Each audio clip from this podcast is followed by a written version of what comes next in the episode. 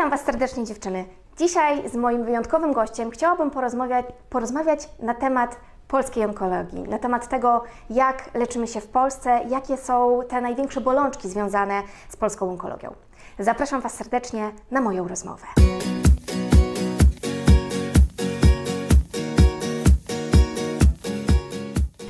Moim dzisiejszym gościem jest profesor doktor habilitowany nauk medycznych, pan Cezary Szczylik, onkolog kliniczny i kierownik oddziału onkologii klinicznej Europejskiego Centrum Zdrowia w Otwocku. Pan profesor jest prezydentem Fundacji Onkologii Doświadczalnej i Klinicznej oraz autorem ponad 150 prac naukowych z zakresu onkologii. Przyznam, że brzmi to imponująco. Panie profesorze, serdecznie dziękuję za możliwość rozmowy, za Pana czas i za chęć podzielenia się swoją wiedzą. Panie profesorze, dzisiaj chciałabym trochę porozmawiać e, o tych zatrważających statystykach, które pojawiają się w, we wszelkich e, medycznych e, raportach, które mówią o tym, że no niestety tutaj trzeba powiedzieć, że ten prym trochę wiedzie Polska, jeżeli chodzi o zachorowalność. Tutaj już konkretnie mówię o raku piersi, dlatego że mój kanał jak gdyby głównie skupia się na, na dziewczynach i na wspomaganiu kobiet z rakiem piersi. Dlaczego tak jest, panie profesorze, że zwiększa się zarówno zachorowalność na raka piersi, jak i też ta umieralność jest dosyć wysoka w Polsce? Znaczy, problem, który jest y, w ogóle z nowotworami w Polsce, zwłaszcza w ostatnich dwóch latach, nasila e, niedostatki jeszcze sprzed epok mhm. z epoki pandemii. E, zafundowany nam system CardDilo, został zorganizowany w pośpiechu e, i nie zadbano o to, żeby przypisać ścieżce pacjenta e, określone drogi podróżowania czy przemieszczania się od wystawienia karty DILO po drodze do specjalistów, bo wiadomo, że chory musi mieć zrobioną tomografię, mammografię, USG piersi, biopsję, mhm, musi tak. mieć ocenę histopatologiczną, musi mieć badania obrazowe. W tym e, organizowaniu tej karty DILO nie wskazano zasobów, jakimi dysponujemy i nie wskazano ludzi, których dysponujemy. Powinno się dla każdego ośrodka czy dla każdego regionu wskazać miejsca do kontaktu, miejsca, w których wykonuje się tomografię, gdzie wykonuje się biopsję, po to, żeby lekarz rodzinny był od początku zorientowany, jaką drogą mhm. tego pacjenta puścić. I liczono na to, i takie było założenie, że skrócimy okres diagnostyki z 78 dni czy 88 o 1 trzecią, a może nawet połowę. Czasami w mediach pojawia się z jakiegoś regionu, że 17 dni to bzdura. E, e, jest Fundacja Alivia, która bardzo szczegółowo śledzi to i ten czas wynosi w dalszym ciągu 72 dni, a więc bardzo długo. To jest czas bliski podwojenia wielkości nowotworu. E, I to tylko wskazuje, że niedoskonałością jest niedostosowanie i zła organizacja systemu wczesnej diagnostyki. Możemy mieć nadmiar urządzeń, ale możemy mieć niedobór kadry. I tym wąskim gardłem jest na przykład, można zrobić szybko tomografię, ale na opisy czeka się po 4 tygodnie, a jeszcze gorzej jest z rezonansem. Można zrobić biopsję, jak się znajdzie kogoś, kto robi biopsję, ale potem czeka się 6 tygodni na opis, y, na, na opis y, tego badania. W związku z czym to jest taka pierwsza uwaga wskazanie, o którym my mówimy wszyscy onkolodzy.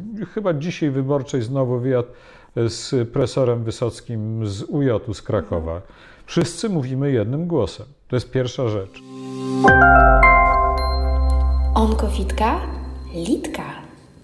Druga rzecz to y, niedostateczne finansowanie od lat.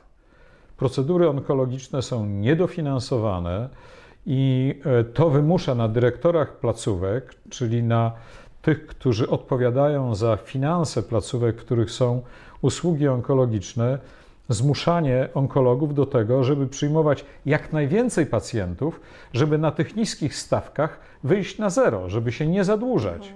A i tak się zadłużają.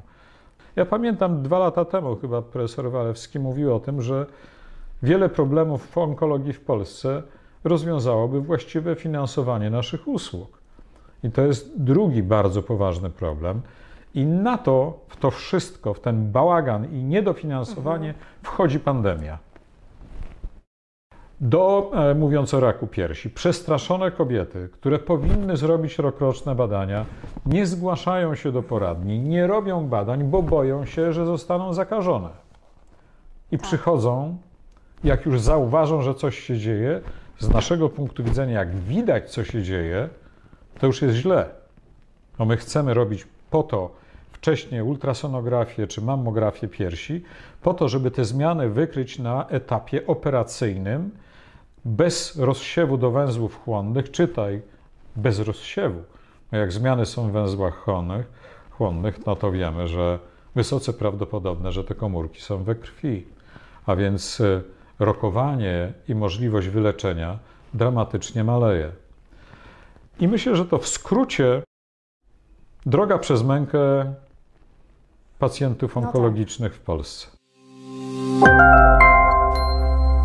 Nie bądź sama, bądź dobrze poinformowana.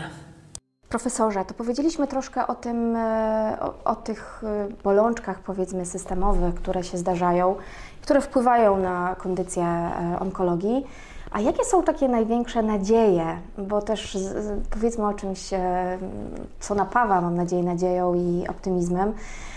I, bo widzimy chociażby w terapii czy, czy raka HER2 dodatniego, y, że ten mm, dostęp do niektórych. Perżety, tak? Tak, Wie pani, lat myśmy zwiększa z się. profesorem Pieńkowskim chodzili do sejmowych komisji, żeby to zostało Walczyli. refundowane. Mhm. My, onkolodzy, my wiemy jako pierwsi, że pojawia się lek, który jest po e, wiarygodnych badaniach klinicznych trzeciej fazy i wiemy, który lek zmienia w istotny sposób finansowanie. Tak ostatnio jest e, z rakiem przełyku. Do niedawna w zasadzie ci chorzy zaawansowaną formą tego e, nowotworu nie mieli specjalnie szans. I nagle pojawia się praca nie w stricte medycznym piśmie, ale piśmie naukowym na najwyższym poziomie. Jest w tej publikacji również Polak, bo jest pan profesor Wyrwicz, która mówi, że w raku przełyku, jeżeli dodamy immunoterapię, jeżeli dodamy im, e, dam im pembrolizuma, bo to jest praca w Nature, czyli nie ma możliwości wyżej opublikować wyniku badania klinicznego. I to się powinno podziać w trybie wręcz natychmiastowym. Ale oczywiście to natrafia na drogę biurokratyczną. E, Przypuszczam, że wydanie opinii potrwa rok albo dwa, a w międzyczasie Są pacjenci. masa pacjentów nie będzie miała takiej możliwości leczenia, więc myślę, że takim ideałem z mojego e, punktu widzenia onkologicznego i z punktu widzenia pacjentów byłoby udrożnienie tego systemu, e, żeby on był jak najbardziej płynny i żeby te decyzje zapadały w ciągu kilku miesięcy, a nie kilku lat. Jest też taka sytuacja, w zależności kto stoi za określonym nowotworem, to jest refundacja. W Czerniaku e, profesor e, e, Rutkowski mówi, że mamy najwyższe, najlepsze standardy w leczeniu, a my w raku nerki mamy leki, które były 15 lat temu. Nie mamy kombinowanego leczenia.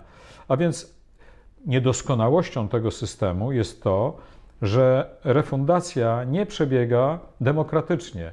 Jedne nowotwory mają refundację, na przykład rak płuca ma prawie wszystko, a w nowotworach jelita grubego, w nowotworach e, e, raka wątrobowo-komórkowego, raka nerki tego nie ma. W związku z czym tych takich niedostatków, obszarów niedostatku jest bardzo wiele, ale praprzyczyną to jest po prostu brak pieniędzy. E, Pragmatycznie my wiemy o tym i to jak trafia lek do, e, do, e, do nas w ramach programów terapeutycznych, to ci, którzy krytykują badania fazy trzeciej, jako wskazania używają kryteriów włączenia do badania fazy trzeciej. To jest absurd, dlatego że badanie fazy trzeciej jest badaniem z zawężonymi kryteriami. Że już na start A w naszej Mhm. praktyce klinicznej taki pacjent, który trafia do nas, ma zupełnie inne, e, inne schorzenia współistniejące, które były wyłączone w badaniu klinicznym. A więc decyzja powinna być nie ustalona przez urzędnika, który dosłownie copy-paste, kopiuje e, kryteria włączenia do leczenia z badania fazy trzeciej. Te kryteria powinniśmy ustalać my, onkolodzy. A takiej praktyki nie ma. Panie doktorze e, i panie profesorze, e, w czym upatruje pan przyszłości onkologii? Co, czy to będzie genetyka, czy to, będą, czy to będzie immunoterapia, czy to będzie leczenie celowane, czy może jeszcze coś innego? Powiedziała Pani wszystko. E, Przyszłością jest na pewno łączenie tych leków. Przyszłością jest doskonała diagnostyka, narzędzia molekularne, które pozwalają nam precyzyjnie wskazać, jaki lek w danym wskazaniu stosować, właśnie. czy u kobiet dawać hormonoterapię, czy dawać chemioterapię. Mamy testy Blueprint, MamaPrint, które nam mówią o tym, e, jak dana kobieta z określonym statusem receptorowym, z określonymi kryteriami klinicznymi, w jaki sposób ona ma być leczona. Tak naprawdę kiedyś 80% kobiet dostawało e, chemioterapię, a dzisiaj Tak, wiemy, tak. że możemy to zawęzić do 25-30%. Proszę zauważyć, przy takiej ogromnej liczbie chorych, jaką my mamy w Polsce, ilu z nich oszczędzimy cierpienia, działań ubocznych.